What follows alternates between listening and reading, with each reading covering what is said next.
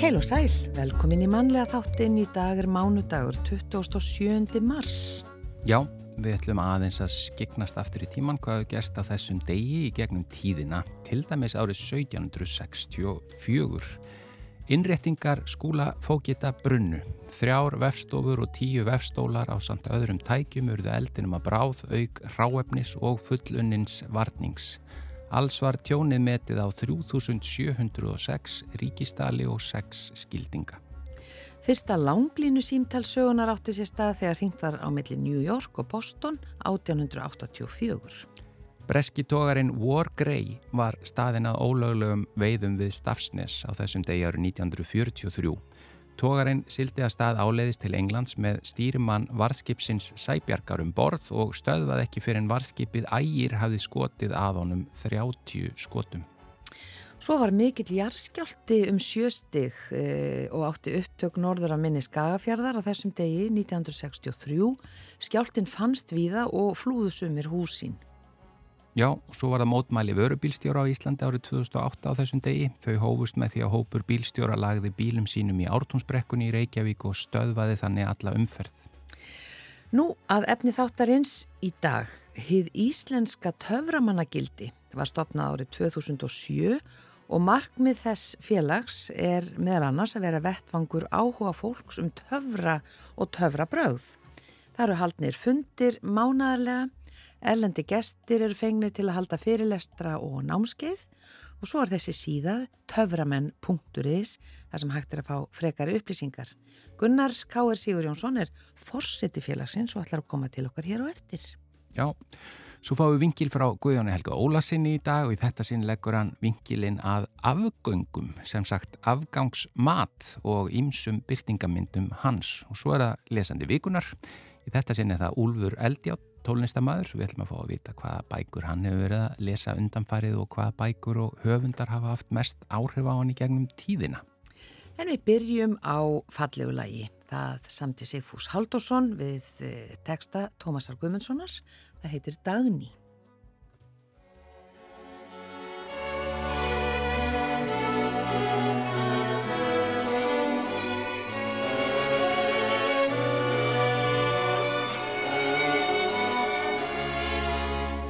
Sumarið kom yfir sæin og solskinið ljómaðum bæin og valði sér heiminn að hjarta. Ég hitti þig ástinn mín bjarta. Og saman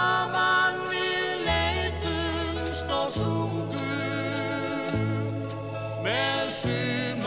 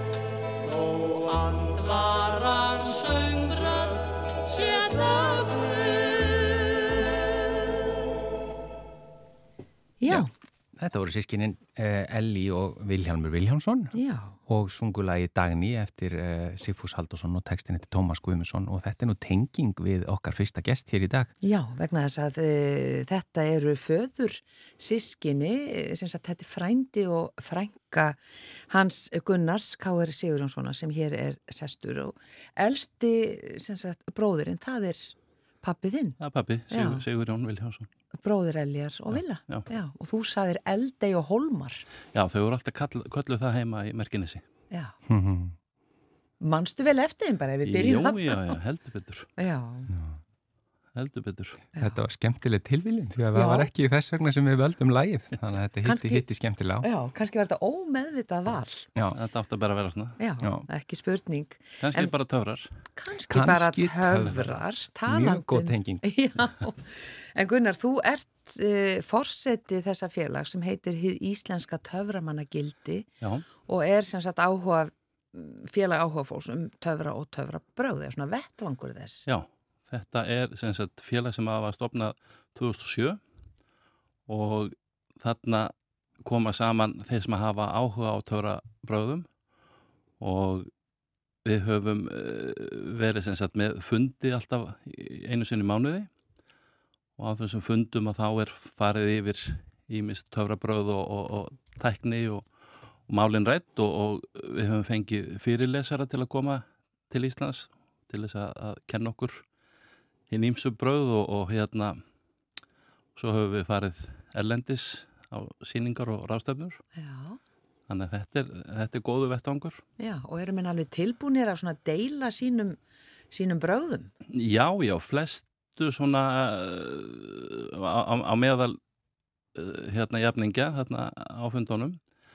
Og við náttúrulega erum ofta að læra ímislegt sem að aðrir eru að kenna og það, það er verið að selja bækur og, og, DFFD-diskar eru nú kannski dottnir út núna en, en nú er komið eh, bara beint streymi, það, þú getur farið bara inn á vefsíður og streymt beint Já, fyrirlesturum og, og, og hérna þeir sem eru að búa til töfrabröð þeir náttúrulega hafa atvinna því að selja töfrabröðin sín, selja kunnáttuna. Já, og við meira sé hérna höfum átt eitt félaga Valdema Gestur sem að, að hérna hefur selt töfrabröð, búið til sem sína eigin töfrabröð og, og verið seld um allan heim já, þannig að, að það er smá business í þessu líka. já, já, einhver leiti Já, Hvenar verður, kemur svona töfra, eh, hvenar kemur töframæðurinn upp í þér? Hvenar færð þú áhuga? Það hefur líklega verið þegar ég var nýjóra gamall. Þá sá ég töframann í sjónvarpinu og var bara hugfanginn og pappi var þá í þannig vinnu að hann þurfti að fara eh, á nokkra mánuða fresti utan. Fór til eh, London oft og þar eh, voru marga töfrabúðir og það var einn þarna rétt hjá hótelinu þar sem hann gisti yfirleitt. Og jólin 2009 þá fæ ég svona töfra sett svona kassa í jólagjöf og þetta var að ég lega gaman ég kom fram í, í stundin okkar með töfrabröð á, á þessum árum og, og var náttúrulega að sína í skólanum og svona en síðan þurfti ég að leggja þetta frá mér þegar ég egnaðist fjölskyldu og, og þurfti náttúrulega að eigða öllum tíma að koma þakk yfir höfuðið og svo tók ég þetta upp aftur svolítið setna og, og þetta, er, þetta er virkilega gaman og ég hef kynst mörgum skemmtilegum töframönnum um allan heim á þessum ráðstöfnum. já. Og er þetta svona, eh, já, hvað ég segja, góður, ég segi ekki, ég veit ekki hvað orð ég að sko nota í staðan fyrir business, en er þetta skemmtilegur markaður hérna heima? Er mikið beðið um töframenn í Það veislur og slíkt? já, það er alltaf öru hverju sem að, að við erum byggðum töramenn en þetta er ekki eins hefðbundi eins og til dæmis svo í nefni England að þar er ekki haldið brúðköp eða það er að segja brúðköpsveistla án þess að sé töramaður í, í veslunni og Stór markaður, já. Já, já, og, og þar úti, sko, þá sér töframæðurinn um að, lappa á milli fólk sem er að koma í veisluna, kannski meðan brúðhjónir í myndatöku og stitta fólki stundir og, og, og svona leta stemninguna og, og hérna, og síðan þegar brúðhjónum koma þá sýnir hann kannski eitt eða tvö töfrabröð fyrir þau mm. með þau sem þáttakundur Já, Þannig að það, og ég, til dæmis góðu vinnu minn út í Englandi, hann bara er, er það sem heitir wedding magician eða, eða samt brúðköpstöframaður. Bara þetta er hans atvinna, já, fyrst og fremst brúðköp. já, það er svona mikil hefð fyrir þessu þar. Myndur segja að hún væri sterkust í Breitlandi?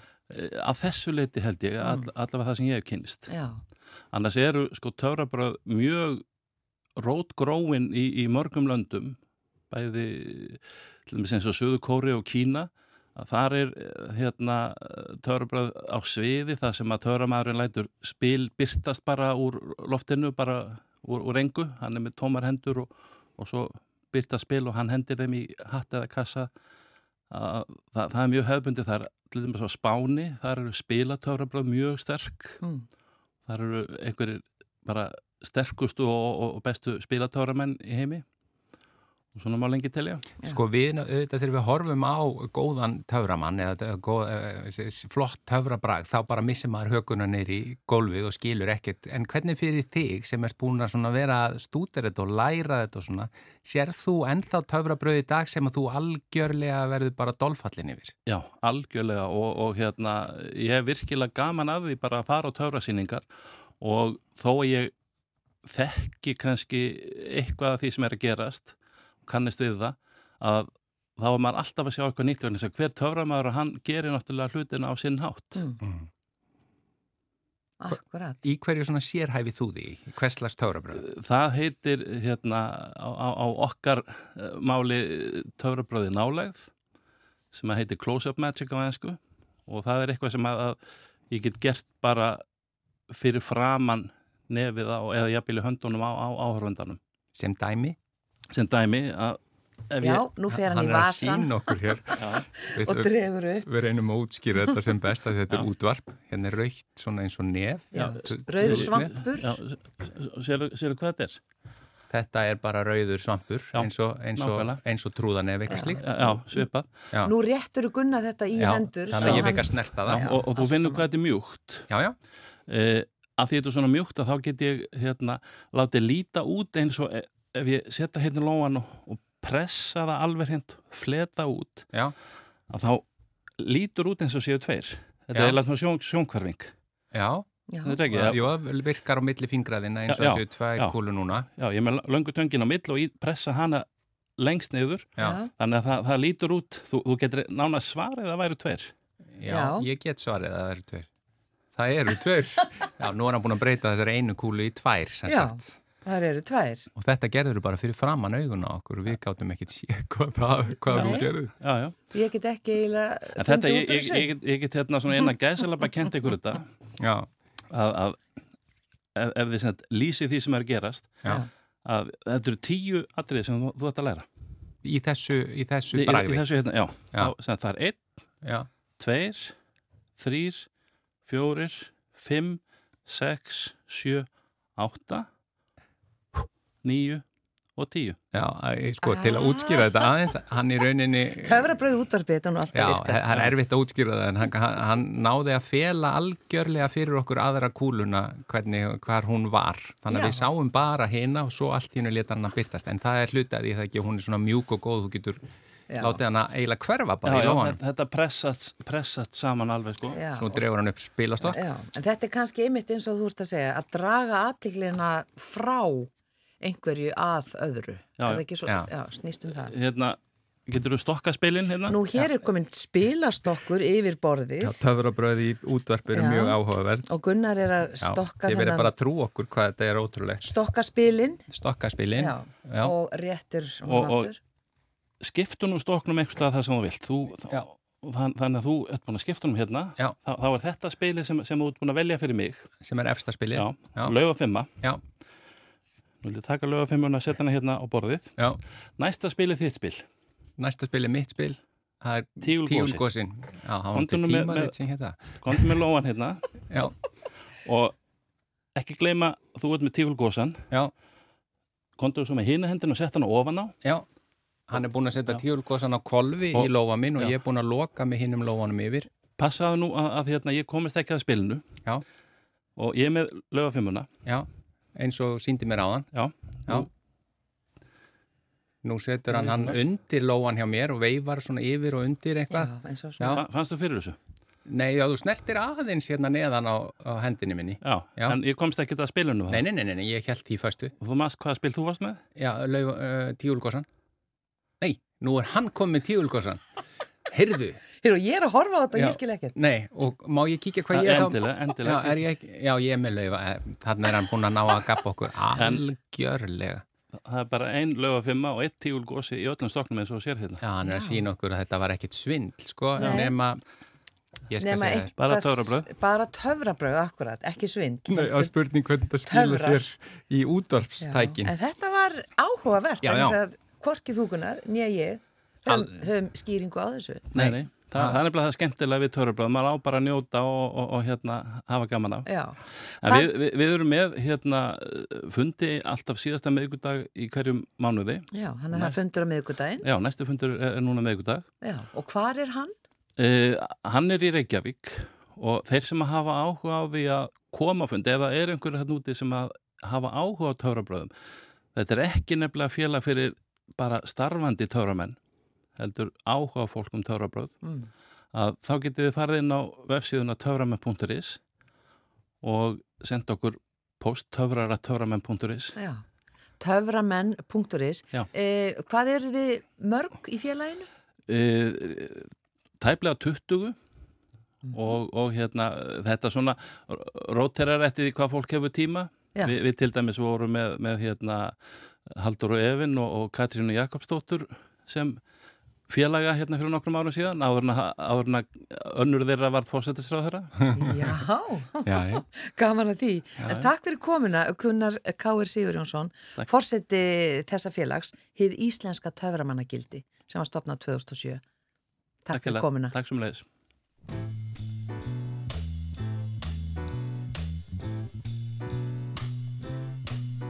Well, it's a marvelous night for a moon dance with the stars up above in your eyes.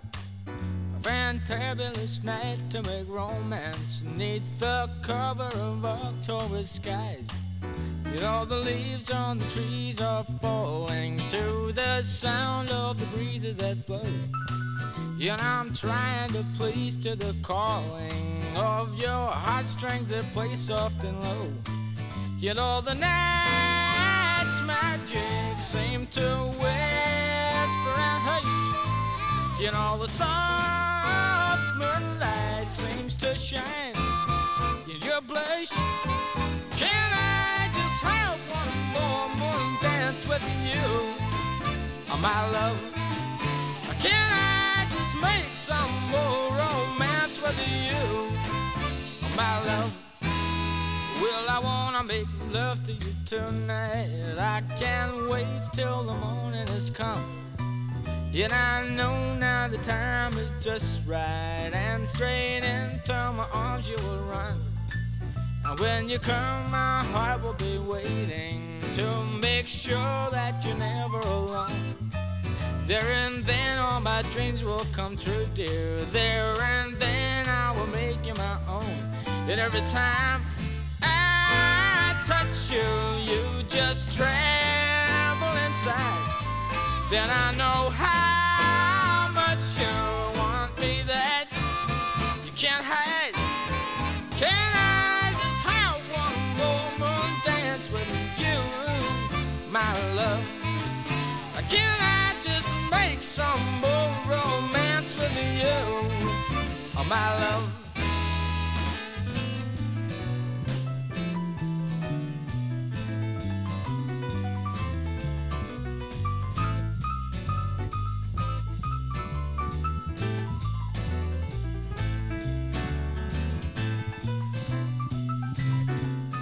Já, þetta er Van Morrison og lagið Moondance.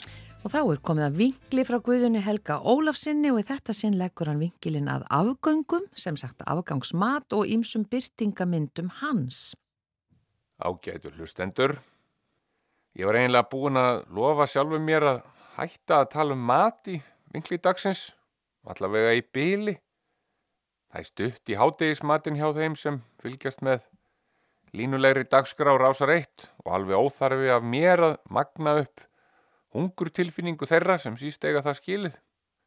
Reyndar myndist ég aðeins á matargerðartækni frumbyggja á norðurslóðum um daginn og greip niður í frásögn Vilhjálms Stefánssonar heimskautafara af súpugerð úr selsblóði en eh, svo uppskrift þykir sennilega lít til þess fallin að vekja okkur í nútíma Íslendingum hungurtilfinningu. Allavega sagði Davíð vinnur minna sér langaði ekki í svo liðis þegar við snættum saman hátegisverð nú á dögunum. Hann væri meira fyrir grjónagrautin úr þar síðasta þætti og ég verð nú að játa mér langar ekki í svo liðis heldur en væri manni nógu kallt og búin að vera matarlaus lengi er aldrei að vita nema að þeim rétti er tekið fagnandi og beðum á bót. Aukin heldur getur sá sem hér talar ekki með góðu móti talist matgæðingur. Fær sjaldan út að borða með það fyrir augum að vika sjóndeldarringin og bæta einhverju stórukostlegri matar upplifun í reynslubankan. Mér finnst það ekkit leiðinlegt og er ekki matvandur nema síður sé en mínar matar upplifanir utan heimilis eru flestar tengdar því að vera einhver staðar að vinna og þurfa að nærast til að geta haldið áfram að vinna. Floknar er það nú ekki. Stundum er ég að vinna heima og þá verður bísna oft fyrir valinu réttur sem getur bæði verið það besta og það versta sem til er en byggist uh, algjörlega á hugmyndaflögi þess sem á spöðunum heldur. Rétturinn sá verður viðfangsefni okkar í dag og kallast einu nafni afgangar. Á vefsíðu stopnunar Árna Magnússonar í íslenskum fræðum er hérna síkviku nútímamáls orðabók að finna og fletti maður upp orðinu afgangar þar er útskýringin það sem verður eftir leifar. Að sjálfsögðu er það hárrétt skýring en í heimilisrekstri er nöðsynlegt að hafa í huga að afgangur af einu getur við auðveldlega orðið upp í staða í einhverju allt öðru. Og ég held að það sé ágætt hagfræði ef vel og skinsamlega er með farið. Havragrautur er alveg príðilegt dæmi um þetta. Maður getur eldað fullan pott af havragraut á morgni og haft til dögurðar. Í hádeginu má hræra saman skýri og havragraut og fá alveg nýjan rétt. Sá var kallaður ræringur heima hjá mér og þá erum við komin með tölverta próteinum saman við kolvetnin upplagt að halda því til haga. Sumir kalla þennan rétt reyndar slempur og ekkit að því en annað orðið er örlítið virðulegra en hitt ef ég má segja mína skoðun. Í setna kaffinu getur komið upp svo staða að enn sé havragrautur í potti síðan um morgunin og þá er dauðafæri að hræra honum saman við kveiti og egg og mjólk og annað eftir smekk og steikja grautarlumur og þær séu nú alltaf betri úr grjónagraut fyrir mína parta. Þegar kemur að kvöldmatnum hlýtur þessi grautur nú að vera orðin fullt nýttur. Og upplagt að sjóða sér salta hrossakjöti eða eitthvað kjarngott. Úr því að ég myndist á það er ekki úr vegi að nefna til söguna réttin kjötgraut sem er einfaldur og góður afgangavatur og fælst í því að skera saltkjöt í bita og hræra saman við grjónagraut. Það verður að vera góðir bitar samt, annars er ekkit varðið í þetta. Eins finnst mér príðilegt að hafa í nesti sneiðar af góðu sölduður hossakjöti á rúbröði sem smurteðu verið með smjöri. Það má líka nota skífur af ektar hossabjúum á sama hátt. Allt í lagi að retta sér með flatkökum líka, en ferkantað búðarbröð er eiginlega ekki notæft í þennan rétt og sumir segja að það sé nú reyndar bara andafóður og ég hafi sjálfur sér ekkit á mótið í. Einstakar sinnum. Ég held áfram að teima ykkur úr einni vittleysun í aðra og fyrst ég er farin að tala fjálglega um rúbröð eða seitt pottbröð eins og sumir vilja kalla það en aðrir bara þrumara. Þá er það upp í staðan í einum af mínum eftirlætis ábætisréttum, nefnilega bröðsúpu. Það er alveg upplagt að sapna rúbröðsafgöngum í plastboks undan ís og geima í fristikistunni. Svo þegar boksið er orðið fullt, kaupir maður eina sídrónu stóra dós af malt ekstrakt og slatta af rúsinum og síður sér brauðsúpu. Það er himneskur matur og vilji maður ekki sína af sér enkenni siðblindu eða störlunar er einbóðið að hafa þeittan rjóma með brauðsúpunni. Rúbrauð er líka nöðsynlegt meðlæti með plokkfiski sem eru auðvitað afgangamatur að upplægi þó að ungmenni nútímans þekki hann aðalega sem skindimat. Mér dettur ekki huga að finna því en það er til miklu verri skindimatur en það og upplagt fyrir okkur sem búum á eigu og fullur sjóra fiski allt um kring að við reynum að svæla einhverju af honum í okkur sjálf. Ég veit nú að játa að sem krakka fannst mér blokkfiskur miklu betri matur heldur en Sóðunni fiskurinn og kartöflurnar sem eru uppistaðan í þeim rétti, þó að heldur drægi nú saman með þeim eftir því sem að árin færast yfir. Ég nefni líka að ef svo ólíklega vill til að plokkfiskurinn klárast ekki, má alveg setja hann í eldfast mót og sóða yfir hann osti og svörtum pipar og hitta í opni. Þá er komin einn réttur í viðbót úr sóðningunni. Afgangafræðin ná mögulega hvað mestum hæðum að mínu mati á mánudögum ef svo heppilega vill til að í sunnudagsmatin hafi verið lambasteik og hún ekki klárast. Ég er nú svona heldur að reyna að slett ekki mikið í útvarpið en byggsimatur er það kalla heima hjá mér þegar afgangar af steikarmáltíð eins og kjöt, kartöblur og kannski eitthvað annað grænmeiti sem hefur verið haft til meðlætis er brytjað niður og steikt á pönnu. Kannski upp úr andafeiti eða smjöri. Þetta má salta og pepra eftir smekk, setja á disk og leggja yfir spælt egg eða tvö og hafa svo með þessu afgangin af sósunni upphýtaða. Súrar gúrkur og rauðrófur. Ég dæmi ekki þá sem slettar hessilega rababarasöldu með og geri það æfinlega sjálfur ef ég mögulega get. Rababarasölda eru auðvitað ekki aðalréttur, það er vondhugmynd í alla staði. Ekki bara vegna þess að í henni er tölverður sigur, heldur líka hins að í rababara er tölvert magna af oxalsýru en hún hefur slæm áhrif á glerung tanna, auk þess sem oxalsýra í miklu magni hindrar upptöku kalks og getur valdið aukinni hættu á nýrnasteinum. Sjálfur hef ég fengið svoleiðis innvortis steinkast og hugsað til þess með rillingi, en hafi maður huga á að snæða mikið magna af rababara er hægt að bæta út í réttina kalsíum klóriði. En það fegst nú einu sinni í apotekinu um að er baðum rabarbara kalk. Fæst kannski enn og er mér vitanlega ekki livseðilskild. Hóflegt magn af rababara er auðvitað í fínasta fína lægi. Ég fekk nokkra hausa af rababara hjá denna frænda fyrir mörgum árum og þeir dapna alveg príðilega hérna fyrir aftan hús. Mér finnst alltaf tilhökunarefni að sjóða fyrsta rababaragraut vorsins og frúin mín gerir líka alveg óskaplega góðan eftirrétt úr rababara, havramjöli, smjöri og einhverju fleiru sem ég veit ekki hvað er en borða með bestu list og búr ós á vörð annarkort með þeittum rjóma eða vaniljuís, jafnvel, góru tvekja. Það er svo algjörlega stórkostlegt að fá sér morgunkaffi á grámingluðum mánudegi ef í kæliskápnum leynist afgangur af svona rababara eftirrétti. Það er á við sjö jókatíma í röð, segja og skrifa sjö. Sem aður heppin eins og ég er æfinlega til ríflega af góðri og hæfilega soðinni rababarasöldu og ekkert því til fyrirstöðu að búa til hjónabandsælu. Nú hafa margir þumbast í gegnum lífið með þær ránkugmyndir í kollinum að hjónabandsæla sé hugar ástand sem einungi sé hægt að öðlast með því að heimsækja einhverja þerapista en það er vitleisa. Hjónabandsæla er kaka sem búin er til úr havramjöli, smjöri, rababarasöldu, eggjum og púðursigri ef ég mann rétt. Ég þarf að játa fyrir alþjóð, Vistu, við erum að tala um rababara, dóttur, dóttur mín, hún Margrét Kría, Það er æfinlega rababara legg að eigin vali og glas með sigri hjá mér á sömurinn. Svo er hún að dífa rababaranum í sigurinn og fá sér bita og bita á milli þessum hún klappar kettinum og hoppar á trampolínunu.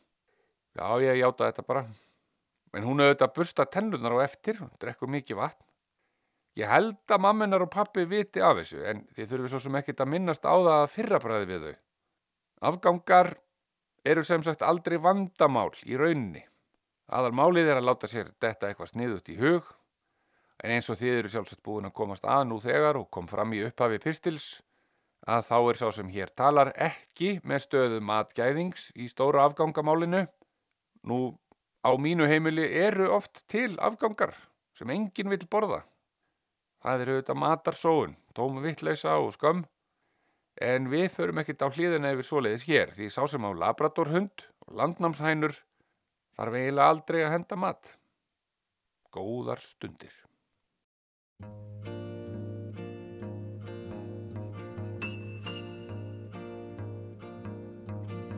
É pau, é pedra, é o fim do caminho, é o resto de toco, é um pouco sozinho, é um caco de vidro, é a vida, é o sol.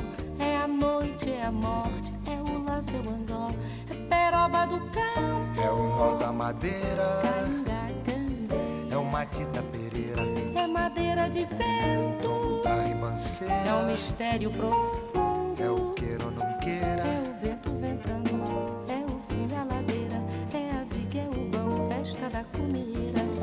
a chuva chovendo, é conversa ribeira das águas de março, é o fim da canseira, É o pé, é o chão, é a mastradeira, passarinho na mão. pedra de atiradeira, É uma ave no céu, é uma ave no chão, é um regato, é uma fonte. é um pedaço de pão, É o fundo do poço, é o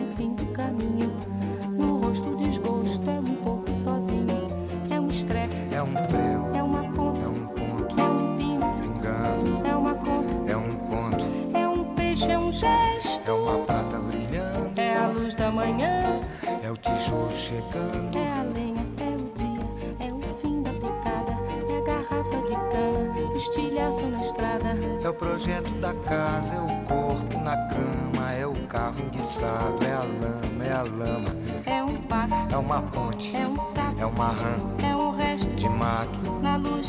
Da manhã. São as águas de março fechando o verão, é a promessa de vida no teu coração.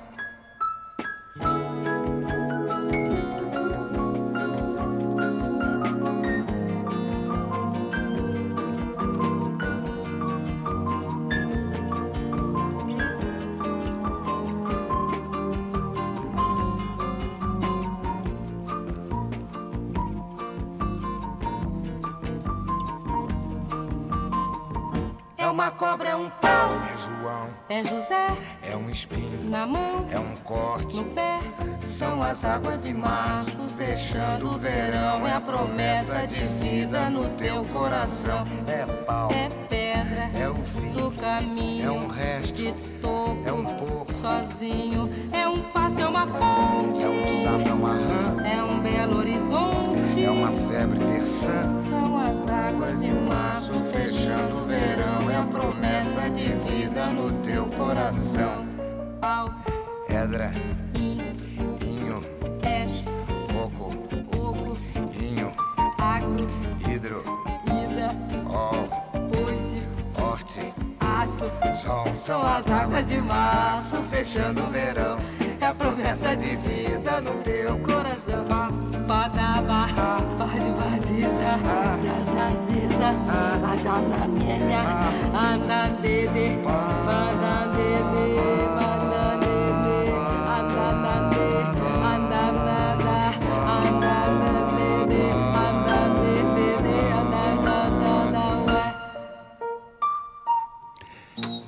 Já, þetta eru þau eh, Regina Ellis og Antonio Carlos Sjóbam að syngja lag Antonio Carlos Sjóbam eh, Aguas de Marco sem er sem sagt rigningar í mars. En það er komið að lesandavíkunar og hann er hinga komin Úlfur Eldjátt, velkomin og takk fyrir að taka þetta að þér. Já, takk fyrir að bjóða mér. Við hérna, sko, þú þetta tónlistamæður Mhm. það er apparat orgel, orgel kvartett mm og, og svo er það alls konar kvikmyndatónlist, sjónvars og annað Emitt? og núna framundan Já. er bara á miðugudaginn er dagur píanósins Já. Dagur pianósins er hérna 29. mars þetta árið Já. en það er sko alltaf dagur nummer 88 í dagatalinu er sem sagt til alþjóðlegi píanódagur það er af því að nótur flestra píanóa eru 88 talsins. Hvað er það margar áttundir? Er það, er það þá tíu? ekki láta mig telja í. Deilir maður ekki með átta Tó- bara? á- Nei, með 12 Með tólf, já. Hvað er 88 deilt með 12? Ok, við skulum, hérna, við skulum ekki taka allan þáttin í þetta kannski er, Nei, hérna- nei, cirka Já, þetta er eitthvað hann að 6, 7 eitthvað Já, já, já, ekki. það er, sjö- já, já, já, akkurat. 5, 6, 7 já, já. Eh, En ert þú uh, þú ert að fara að gera eitthvað gjörning á degi píanósins? Já, svo ég bara misnóti nú þetta hérna, lesendahort þá Það við erum að fá þig til að koma í viðtal þannig að það er ekki nema að vona að ég spyrji þig aðeins hvað þú ert að gera sko. Emmi, það er mjög gaman að koma því að. Ég sem sagt er með svona uh, ætla að vera með uh, lítið lag sem verður svona er svona live upptaka af lagi sem að ég er að gera á piano og með ymsi svona í alls konar ráftæki Mhm. með og þetta er tekið upp í Hannesarholti Já, og þetta verður bara á mínum samfélagsmiðlum og heimasíðinu minni það er bara hægt að finna sko, það er bara úlfureldjátt.com og, Já. og já, bara leita Úlfur Eldjárn á Facebook og Instagram og kannski. TikTok líka Já, og ég er bara svona, já, ég er á öllum þessum samfélagsmiðlum og ég, það bara mun eftir að posta þessu alls þar og og frá og með miðugudeginum já, á miðvikudaginn þá ætla ég að skella þessu inn Já. og þá verður líka hérna mögulega einhver svona óvænt tilkynning um óvæntan viðbörð í framtíðinni. Nó, þú kant, þetta, kom, þetta var kýtla. Já, en það er sem sagt, þetta er svona pianogjörningur, þú veist, ég er að taka piano og ég er að, að svona það sem heitir að live lúpa, ég er að taka það upp í gegnum tölvu og læt tölvuna lúpa aftur bara því sem ég spila, þannig að þetta er aldrei svona spontant. Og ég er að svona leika mér að ég að stækka hljóðheim pianosins með því að gera svona raftónlistatilraunir bara í rauntíma, mjög skemmtilegt. Áhugavert Við bara verðum að bendum fólki að tekka á því á miðugudaginn. En þú ert hingað komið sem lesandi vikunar Uh, Þú ert búin að raða hérna bókum Já. fyrir fram að þig Ertu mikill uh, lestararhestur? Sko, ég var það um, síðan komaði mitt þessi samfélagsmiðlar hann til sögunar Jú, og þá jú. sko, hætti ég ekki að lesa en ég hætti bara alveg að lesa bækur og fór bara alltaf að lesa eitthvað svona nöldur í einhverju fólki um hérna um bílastæða vandamál í, í miðborginni og eitthvað svo leiðis og ég hef svona upp á síðkasti þá hef ég verið að reyna að, að, að gerast meiri lesandi aftur og Já, minka þennan lestur á skoðunum fólks Já, og já, sem sagt að lesa meir í bækur Já. og uh, ég svona er eiginlega alltaf með sama áramóta heitið sem að er að lesa fleiri bækur og ég fer inn á þarna síðuna sem heitir Goodreads. Já, set mér markmið. Það á henni bara fyrir þau sem ekki vita. Er Aha. hægt bara að fá alls konar svona fólk mælir með eða? Já, það er nefnilega alveg rosa mikið góðum meðmælum þar sko. Já, og þú getur lesið svona stuttadóma já, er það stuttadóma og svo líka sér maður bara hvað vinir manns er að lesa maður bara eignast vini gegnum, gegnum Facebook og svona Þetta er í rauninni alltaf samfélagsmiðill. Samfélagsmiðl fyrir svona bókanörda mjög skemmtilegt. Já. og þar er alltaf svona í upphæðu ás þá er maður kvartu til að setja sér eitthvað lestra markmið. Já. og ég ger þetta hverju ári og klúðra því alltaf en það er samt eitthvað svona fyrstu mánuði ásins þá er ég allavega yfirleitt mjög duglegur að lesa. Já. og núna sett ég með það takmarka að lesa hérna 52 bækur á árinu. Ein á viku eina viku, ég er aðeins að detta á eftir áallun núna. Já, já, En ég er búin að finna leðina til þess að vinna upp. Og Nú? það er nefnilega það. Ég var að finna hérna bunga af hérna uh, skemmtilegu smábarnabókunum sem eru hérna þessar gömlu hræðilegu cancelled barnabækur um en stuttar. Lága, það eru mjög stuttar.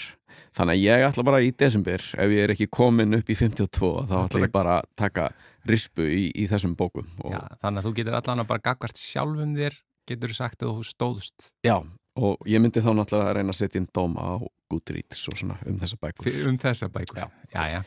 En hvað ertu með hérna, hvað ætlar að segja okkur fyrst frá? Herði, ég er með, sko, það beintenging hérna Mhm. og hálfgjört plögg líka Já. að ég er hérna með bók eftir föðu minn sem kom út fyrir síðustu jól sem heitir- að er næstu því rattvíburiðin Já. ég, ég er að því hann var í viðtali hjá okkur fyrir ekki löngu síðan og þeir eru með mjög svipaða rödd Við erum við erum vist eitthvað skildir. Já, já. uh, Hann sem sagt gáð bók sem heitir Tætti þættir mm. og er það hérna leng, næsta sem kemst því að, að pína hann til þess að hérna, skrifa endurminningar sínar. Já, en þetta eru semst í raun og veru svona endurminningabrót en þetta eru kannski ekki endilega alltaf svona merkilegustu minningarnar hans en þetta eru eiginlega svona skemmtilegustu. Þetta er í raun og veru svona sjálfstæði smásögur byggðar á atbyrðum úr hans lífi já ég bara sett spurningamerki við, að bara hvað er merkilegasta minning? Ég meina það, er- það er bara Akkurat, já, en þetta er ekki svona já, þetta er ekki svona eins og hérna, einlegt viðtal í, í mannslífi eins og hérna einhverju bók eftir Já, hann. Já, hann skrifaði að þá hann hérna, alltaf opinskátt Opin, opinskátt, Já. já, uh, sko, en í það eru þarna sögur sko og hérna sem að sumar að þeim er, er eitthvað sem að ég upplifiði jafnvel sjálfur svona á hliðalínni og ég kem nefnilega lítilega við sögu þannig einni er, er í hérna aðarhlutverkeila í einni sögunni sem fjallar um orðið piano já. Og það er nefnilega þannig að hann uppgötaði það að ég sagði alltaf piano P-I-N-O og þegar hann fór að- rannsaka málið nánar þá reyndist þetta að vera framburður sem kemur úr móður fjölskyldinu minni. Að það að þú- segja allir piano já, en ekki piano. Sko mér hefst sjálfur mjög erfitt að segja piano af því ég heyri eiginlega mun á þessu. Piano, piano, piano, en þetta sagt heiti piano í minni í orðabók sko. Já, og móður fjölskyldu. Já, og það er þarna einn svona svolítið krútleg saga um, um þetta. Og svo eru fleiri svona alveg hérna ótrúlega skemmtilegar sögur svona, og oft bara svona litlar anekdótur og það er til dæmis alveg nokkrar svona sögur sem að gerast á bestastöðum í kringum það þegar afi minn er fórsetið þar Já, en eru svona algjörlega svona, hvað sem er, svona baktjaldasögur algjörar. Já, og ein er mér sér mjög bara spennandi og ætti nú eiginlega bara svona erindi í heimspressuna því að það er þar fjallað um sko svona næstum því tilræði sem er gert við hérna, erlenda þjóðalegt e, já, erlenda þjóðhöfðingja Richard Nixon og, og Pompidou Já, býtu var það ekki bróðin? Nei, hver, hvernig var jú, jú, það er Já, hérna við skulum ekki við skulum ekki, við skulum ekki hérna spilla þessu sko. ég mæli með því að, En ég held þetta sé í fyrsta skipti sem að lesandi vikunar segir frá bók þar sem að hann er sjálfur það já, já, það. einmitt Ég held það. já, ég nú notabenni er svona auka karakter í þessari bók Já, já, já, næsta bók. Næsta bók, heyrðu, það er hérna önnur jólalesning hérna, það er bókin Brotin eftir Jón Alla Jónasson. Já, Ég nenni eiginlega aldrei að lesa svona glæpasugur mm, lengur og sérstaklega ekki ef þær eru skandinavískar af því að ég bara er einhvern veginn búið með kvotan. búin að fá nóga því.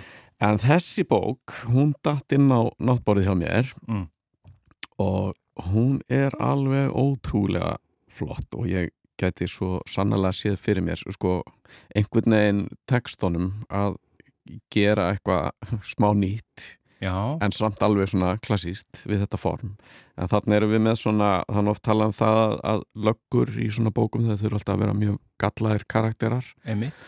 og mjög skemmtilegt að hann bara ákveður ganga alveg svakalega langt með það.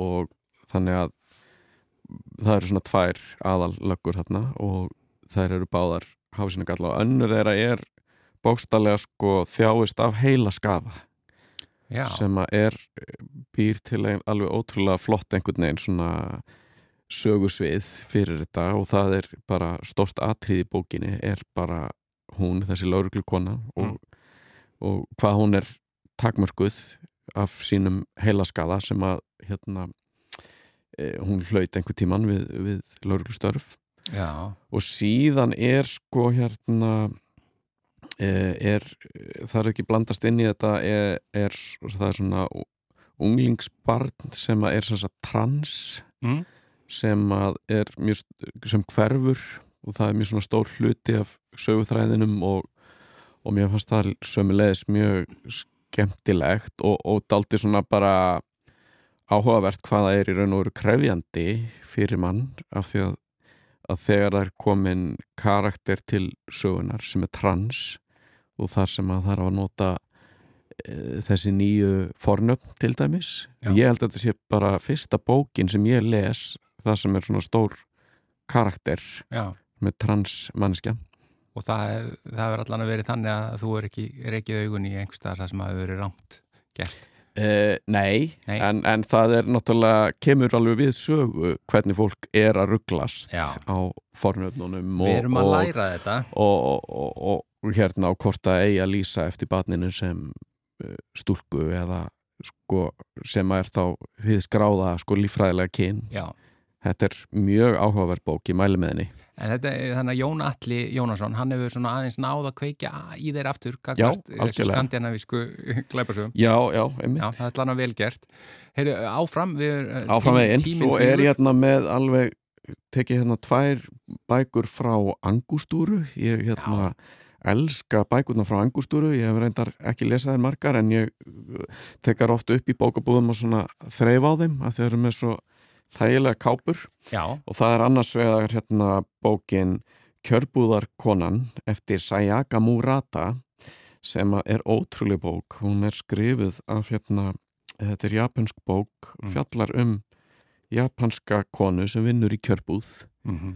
Og ótrúlega satt, þá var þetta bara einn áhugaverðasta bók sem ég hef lesið og Sko, angustúru bækurnar eru svo frábærar því að Já. þær eru alltaf að fjalla um einhvern svona menningarheim sem mann kannski er e, ólíkur okkar já, sem er mjög áhugavert að fá inn, já. inn í Já, og, já, akkurat og einmitt þetta er svona svo skemmtilega þetta er svona, það sem heitir svona curation kannski, að það er það er, það er verið að velja bækur onni mann sko, Já. og maður getur einhvern veginn treyst á það að allar bækur sem kom út þarna séu á ákveðni línu, já. Já, og svo er hérna bók, ný bók eftir Örvar Þóriarsson Smárasson fyrsta smásagnasafni hans held ég, alveg örglega sem heitir Sveppgríman og hún er hérna hana las ég líka um daginn og var ákallega hrifin, hún er svona þetta er svona stuttar og, og mjög svona þetta er svona skemmtilega svona súrealískar sögur.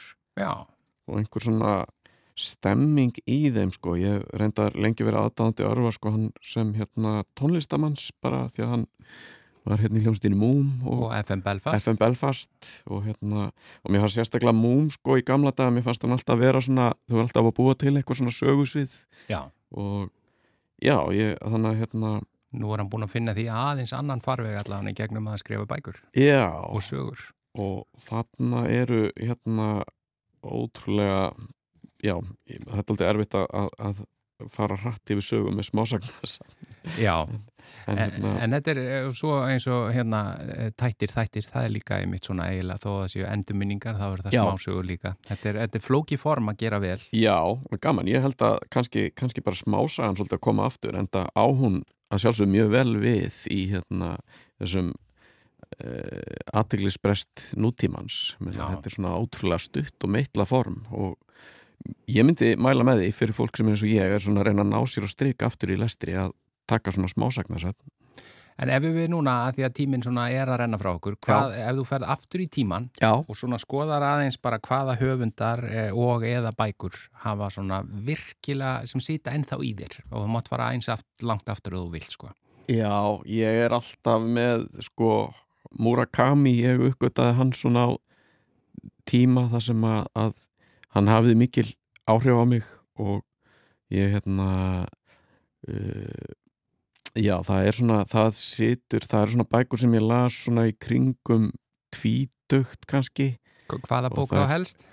ég, sko, ég las eiginlega bara alla bækurna sem hann hafði skrifað þá og uh, sko Norwegian Wood var alltaf í sérstöku uppáhaldi á mér hún er aðeins öðruvísi reyndar en hinna bækurnar af því hún er svona persónuleg og, og lýsir einhverju svona tilvistar kreppu Mm sem að hann átti í það og, og hérna, já, ég finnst hann alltaf bara eitthvað svo hérna falleg og, og hérna og svo svona sá, sönn og sásöka full þessi bók. Já. svo hérna svo eru svona, hvað að segja það er nú fleiri svona ein af uppbóldsbókunum mínu sem ég reyndar ekki lesið mjög lengi er hérna The Confedera Confederacy of Dunces eða Auðlabandalægið til John Kennedy Toole ég er enda sko, það er svo langt sen ég lesa hana, ég þarf alveg, maður veit ekkert sko, stundum eru svona bækur bara orðnar alveg úreldar sko, en Mér finnst bara titillin hann höfða til mín, ég þarf að finna þessa bók. já, ég hérna Auðla bandarlag hljóma mjög vel í mínum meirum. já, En já, ég sko held því miður uh, að fréttinnar þurfa að koma að stað. Já, Bara, ég held það að hlustendur ásar eitt eru þau ekkit sérstaklega ánæðir ef, að- ef að þær komast ekki að. nei, nei, fyrst þeim það, það er mikilvægri heldur en þetta. Ég veit það ekki, ég ætla ekki að hveða dómum það, en, en svo er miður, eða það er að segja, svo þurfum við líka að koma að dánafregnunum fyrst. já, já, Þannig að það er Úlfur. Eldjátt, þakka þér innlega fyrir að vera uh, lesandi vikunar í þetta sinn. Viltu kasta fram einhverju einu nafni í lokin? Þú hefur, Eh, ég bara segi hérna, ég las bókina Riot Days eftir uh, Mario Aliokínu eða Mössju sem er í Pussy Riot uh, endurminningar hennar, mælmenni Glæsilegt, Úlfur Eldjátt, takk kellega fyrir þættinum er lokið í dag, við verðum hér aftur á sama tíma á morgun. Eh, Þakka ykkur innlega fyrir hlustununa, verið sæl.